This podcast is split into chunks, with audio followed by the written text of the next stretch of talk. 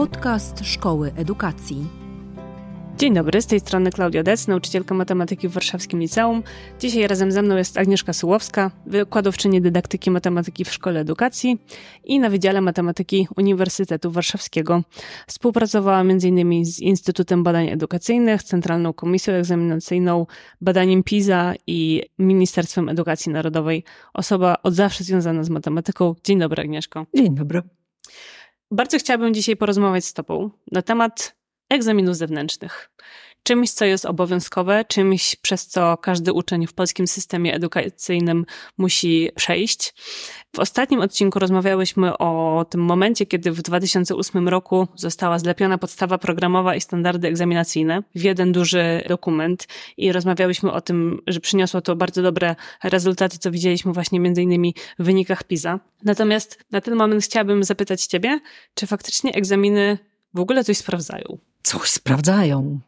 W egzaminie z matematyki jest ileś dziesiąt zadań, więc coś sprawdzają. Ale tak mówiąc bardziej serio, te zadania są tak dobierane, żeby były maksymalnie różnorodne, żeby sprawdzały i różne cele kształcenia, te, o których mówiłam w poprzedniej rozmowie. To znaczy są zadania, które sprawdzają umiejętność rachowania, zwyczajnego posługiwania się liczbami, czyli dość de facto trochę techniczne umiejętności, ale również są zadania, które sprawdzają umiejętność modelowania matematycznego. To znaczy uczeń dostaje jakiś problem realny dotyczący zakupów, y, prędkości, różnych y, sytuacji i musi przełożyć to na grunt matematyki tam wykonać z tym jakieś operacje, użyć jakoś narzędzi matematycznych, których się uczył przez całe 12 lat szkoły, a potem przełożyć to z powrotem na język tego problemu, w którym to zostało sformułowane i na przykład nie powiedzieć, że piechur szedł z prędkością 1230 km na godzinę, tylko jednak zdawać sobie sprawę, że jeśli taki wynik mu wyszedł, to coś jest nie tak. Albo z modelem, który stworzył, albo z obliczeniami, których dokonał, ale ta interpretacja wyniku matematycznego na gruncie rzeczywistej sytuacji jest tym końcowym, domykającym elementem. Więc zasadniczo każdy z egzaminów, czy to będzie egzamin ósmoklasisty, czy matura, sprawdza cele kształcenia. Nie te poszczególne hasełka, tematy z podstawy programowej, których jest mnóstwo i którymi trudno się kierować w uczeniu, natomiast sprawdza realizację celów kształcenia, które zostały założone. I każdy z egzaminów, czy ósmoklasisty, czy maturalny, odnosi się do wszystkich lat kształcenia, które uczeń ma ze sobą. Czyli jak sama nazwa mówi, egzamin ósmoklasisty dotyczy wszystkiego, czego uczeń się uczył przez 8 lat. Czyli mogą być zadania, które dotyczą umiejętności, zagadnień, które były w piątej klasie na przykład. I tam głównie się tego uczyło. Potem już były używane, owszem, ale główny nacisk na przykład szedł w piątej czy szóstej klasie, na ułamki zwykłe na przykład. I to wszystko jest sprawdzone na egzaminie. Czy Twoim zdaniem egzamin z matematyki powinien zawierać tylko zadania otwarte, czy testy zamknięte również coś sprawdzają? A jeżeli tak, to co? absolutnie nie powinien zawierać tylko zadań otwartych, dlatego że każde zadanie otwarte niesie ze sobą ryzyko, które się oczywiście system stara minimalizować, ale jednak nieobiektywności oceny. Zadania zamknięte są bardzo obiektywne jeśli się je dobrze ułoży, sprawdzają dokładnie to samo. Więc dobrze ułożone zadanie zamknięte sprawdza dokładnie te same umiejętności, łącznie z umiejętnością rozumowania, które możemy sprawdzić zadaniami otwartymi. A w dodatku, co nie bez znaczenia, uczniowie znacznie bardziej lubią zadania zamknięte. Mhm. A czy nie dlatego, że mogą po prostu strzelać i liczyć na to, że może im się uda trafić i dostaną punkt? No, oczywiście tak, to również, ale zadania zamknięte są też troszkę łatwiejsze, bo jeśli coś rozwiązałem naprawdę tak jak potrafię i tak jak y, wydaje mi się, że dobrze, a potem nie znajduję takiej odpowiedzi wśród proponowanych czterech, to dostaję sygnał, że coś jednak zrobiłem źle. I może to być albo zupełnie merytoryczny brak umiejętności albo wiedzy, ale może to być zwyczajny błąd nieuwagi. Czegoś nie doczytałem, czegoś nie uwzględniłem, coś źle policzyłem. I dostaję sygnał, zaraz, zaraz, zrób to jeszcze raz na spokojnie. I to daje szansę naprawdę pokazania, co umiem. Powiedziałaś, że dobrze skonstruowane zadanie testowe sprawdza dokładnie to samo, co zadanie otwarte. Co masz na myśli, mówiąc dobrze skonstruowane zadanie? No, to jest bardzo złożone zagadnienie. Przede wszystkim, i to jest coś, co mnie jest najbliższe, że zadanie jest dobre wtedy, kiedy nie jest tak niesłychanie rutynowe i przewidywalne. Jeśli egzaminy by się składały wyłącznie z samych przewidywalnych, najbardziej typowych, najbardziej odtwórczych zadań, z którymi uczeń się stykał przez cały okres swojego kształcenia, to nie byłby dobry egzamin. Więc przede wszystkim egzamin jest dobry wtedy, kiedy uczeń musi elastycznie myśleć na nim. To znaczy zawiera i zadania, które sprawdza fundamentalne umiejętności, ale również zawiera zadania, które są przynajmniej w pewnym stopniu dla ucznia zaskakujące, wyzywające. Musi się zastanowić zaraz, zaraz, to właściwie o co tu chodzi. Ja takiego zadania, dokładnie takiego, jeszcze nigdy w życiu nie widziałem. Ale skoro to jest na egzaminie z matematyki, to ja muszę mieć wszystkie umiejętności, które pozwalają mi to zadanie rozwiązać. No to właściwie czego to zadanie dotyczy? Co ja mam tu zrobić? I to jest właśnie ta elastyczność myślenia, elastyczność używania matematyki, elastyczność poruszania się w życiu, która potem będzie od ucznia wymagana, kiedy skończy szkołę. On musi umieć użyć tego wszystkiego, czego się uczy, na tym gruncie, na którym go życie postawi. Więc taki egzamin jest dobry, który preferuje i sprawdza taki właśnie sposób myślenia, jakiego potem uczeń będzie używał realnie w życiu. Ale poza tym zadanie musi być po prostu, po pierwsze, poprawne, po drugie, naprawdę sprawdzająca takie umiejętności, których uczeń miał szansę się uczyć w czasie swojej szkolnej kariery. Po drugie, sprawdzające umiejętności ważne, żeby nie próbować ucznia łapać na jakichś zupełnie pobocznych, nie tak istotnych, nie tak fundamentalnych zagadnieniach. Zadanie powinno być skonstruowane w sposób zrozumiały dla ucznia. I tutaj nie mówię o tym właśnie, że każdy absolutnie uczeń ma od razu wiedzieć, co zrobić. No bo to byłoby zadanie rutynowe, jeśli od razu po przeczytaniu ja natychmiast wiem, co mam robić. Zatem w jaki sposób takie pytania są układane? No najpierw musi być świadomość tego, co chcemy zadaniem sprawdzić. Potem pomysł jakiś na kontekst, jeśli jest to zadanie osadzone w kontekście, ale potem, jak już mamy jedno i drugie, to zastanawiamy się oczywiście, jakie mają być te trzy dodatkowe odpowiedzi, te, te niepoprawne. I tu idealnie byłoby, i tak się, tak się to robi z reguły, że te odpowiedzi biorą się z bardzo typowych błędów, które uczniowie przy danym zagadnieniu popełniają. Czyli nie są przypadkowe liczby, które po prostu ktoś napisał? Nie, okay. nie.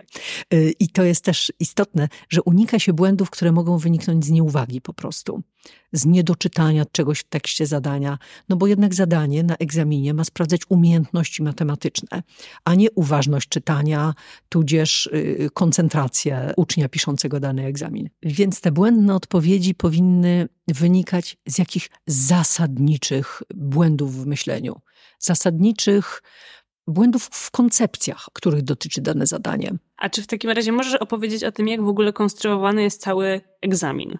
Bo rozumiem, że to jest sztab ludzi, którzy godzinami dyskutują właśnie, co jest ważne do sprawdzenia, w jaki sposób dobrać te zadania, analizują ten kontekst praktyczny tych zadań. Domyślam się, że to jest olbrzymie przedsięwzięcie.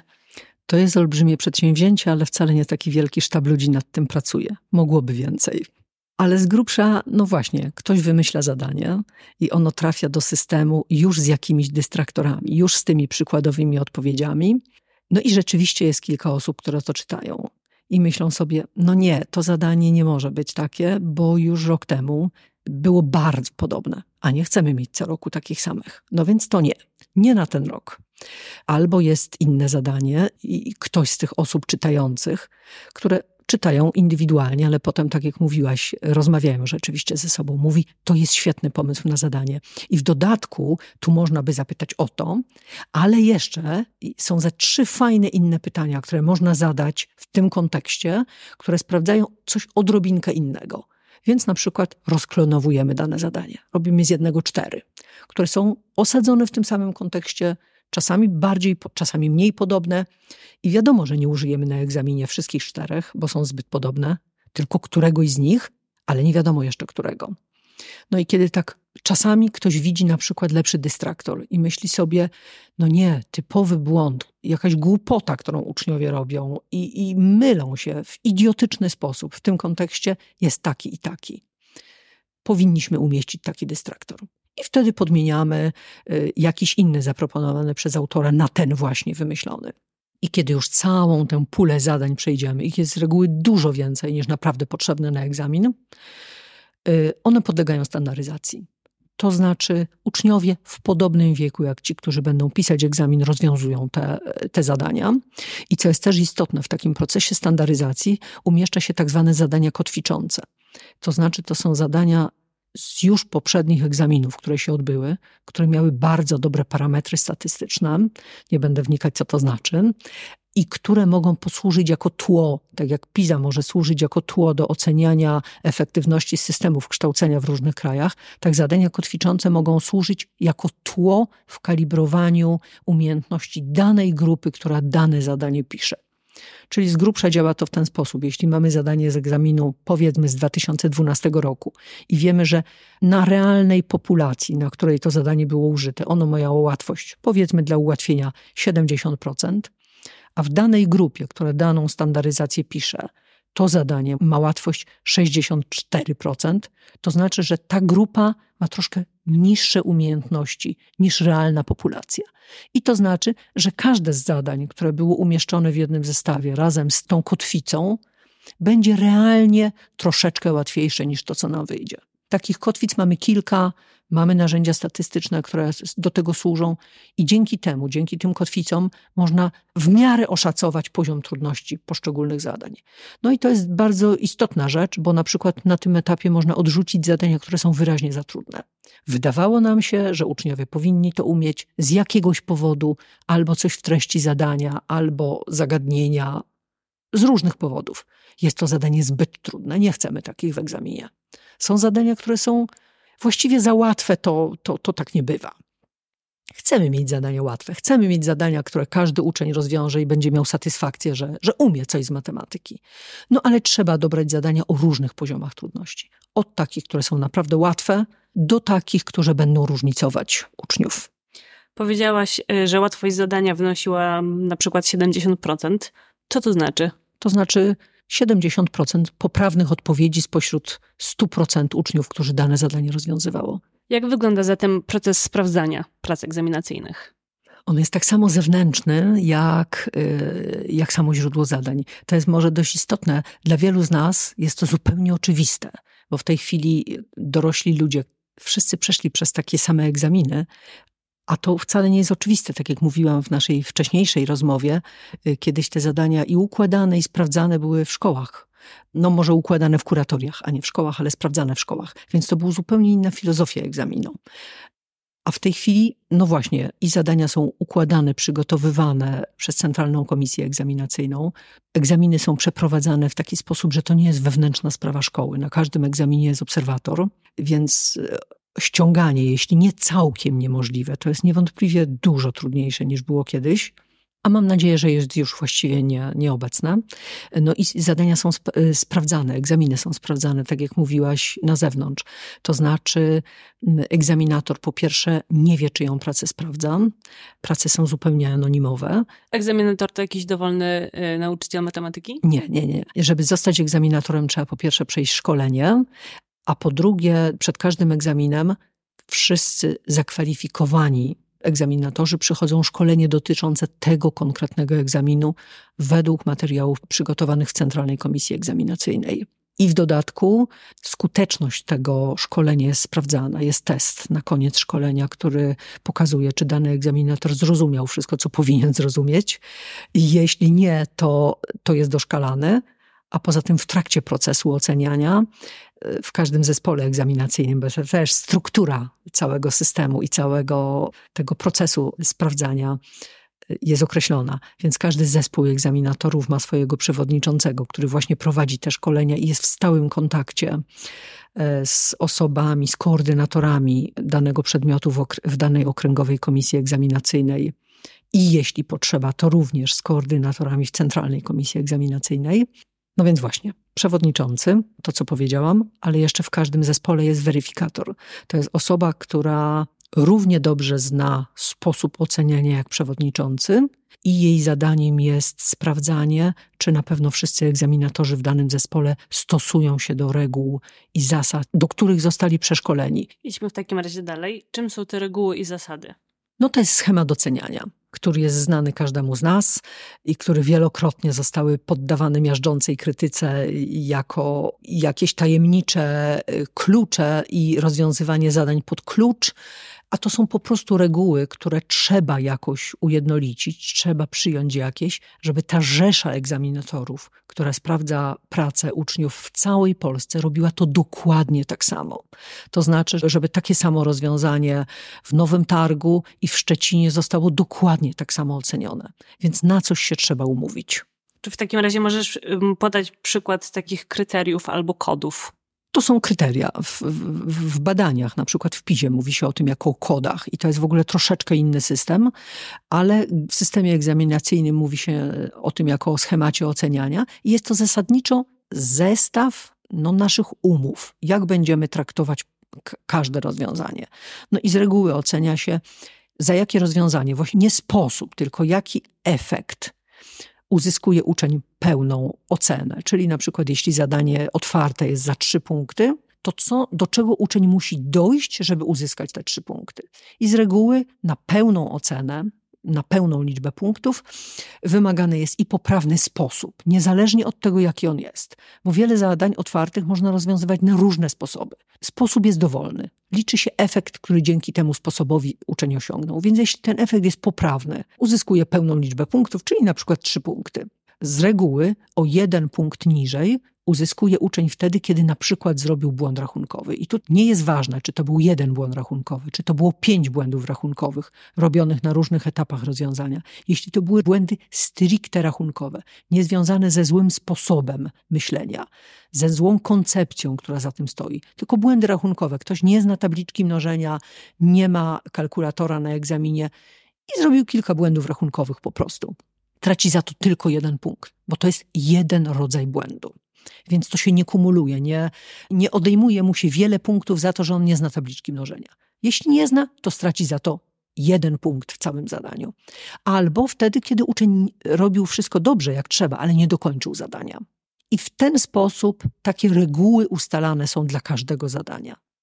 Dzięki temu rozumiem, że ci egzaminatorzy mogą w obiektywny sposób oceniać te zadania, ale jednocześnie jest ten weryfikator, o którym wspomniałaś, który sprawdza, czy na pewno wszystko idzie tak, jak zostało zaplanowane. Natomiast domyślam się, że odwoływania się uczciów to jest proces, w którym uczniowie chcą sprawdzić, czy egzaminator na pewno sprawdził w taki poprawny sposób i kto wtedy to sprawdza? Jeszcze raz ten sam egzaminator, czy zupełnie ktoś inny? Nie, to sprawdzają wtedy pracownicy Okręgowej Komisji Egzaminacyjnej. Na przykład matematyk z Okręgowej Komisji Egzaminacyjnej w Warszawie. On jeszcze raz przegląda taką pracę i sprawdza, czy tam nie było błędu w ocenianiu. Jeżeli ktoś na samym początku popełni pewien błąd rachunkowy, ale później wszystkie kolejne etapy rozumowania poprowadzi w poprawny sposób, ale ten wynik końcowy no, nie jest zgodny z tym oczekiwanym. Czy takiemu uczniowi odejmuje się dwa punkty? Nie, tylko jeden, za błąd rachunkowy. Jeśli wszystko, co robi dalej, jest konsekwencją tego błędu, nie robi żadnego zupełnie innego rodzaju błędu, to traci tylko ten jeden punkt za błąd rachunkowy. Oczywiście konsekwencje zrobienia błędu na samym początku są czasami y, dalej idące i nie wynikające z tego, że ktoś to inaczej ocenia, tylko z tego na przykład, że uczniowi wychodzi tak brzydki wynik, że już traci sam wiarę w to, że to, co robił, jest poprawne, jest dobre i porzuca na przykład czasami rozwiązanie. Albo liczba, którą dostaje, jest już tak trudna, że jest mu trudno rozwiązywać dalej to zadanie z taką liczbą. Ale nie jest mu obcinany żaden inny punkt za cokolwiek, za żadne rachunkowe rzeczy, które się dzieją ewentualnie dalej w tym rozwiązaniu. Czyli po prostu nie każe się dwa razy za ten sam błąd. Dokładnie tak. Serdecznie Ci dziękuję. Dziękuję bardzo. Dziękujemy za wysłuchanie podcastu Szkoły Edukacji Polsko-Amerykańskiej Fundacji Wolności i Uniwersytetu Warszawskiego. Już niebawem ukaże się kolejny odcinek, w którym Klaudia Dec, nauczycielka matematyki w Warszawskim Liceum oraz absolwentka Szkoły Edukacji, będzie rozmawiać ze swoimi gośćmi. Tymczasem zapraszamy do Podcasterixa, podcastu prowadzonego przez wykładowców dydaktyki historii Szkoły Edukacji.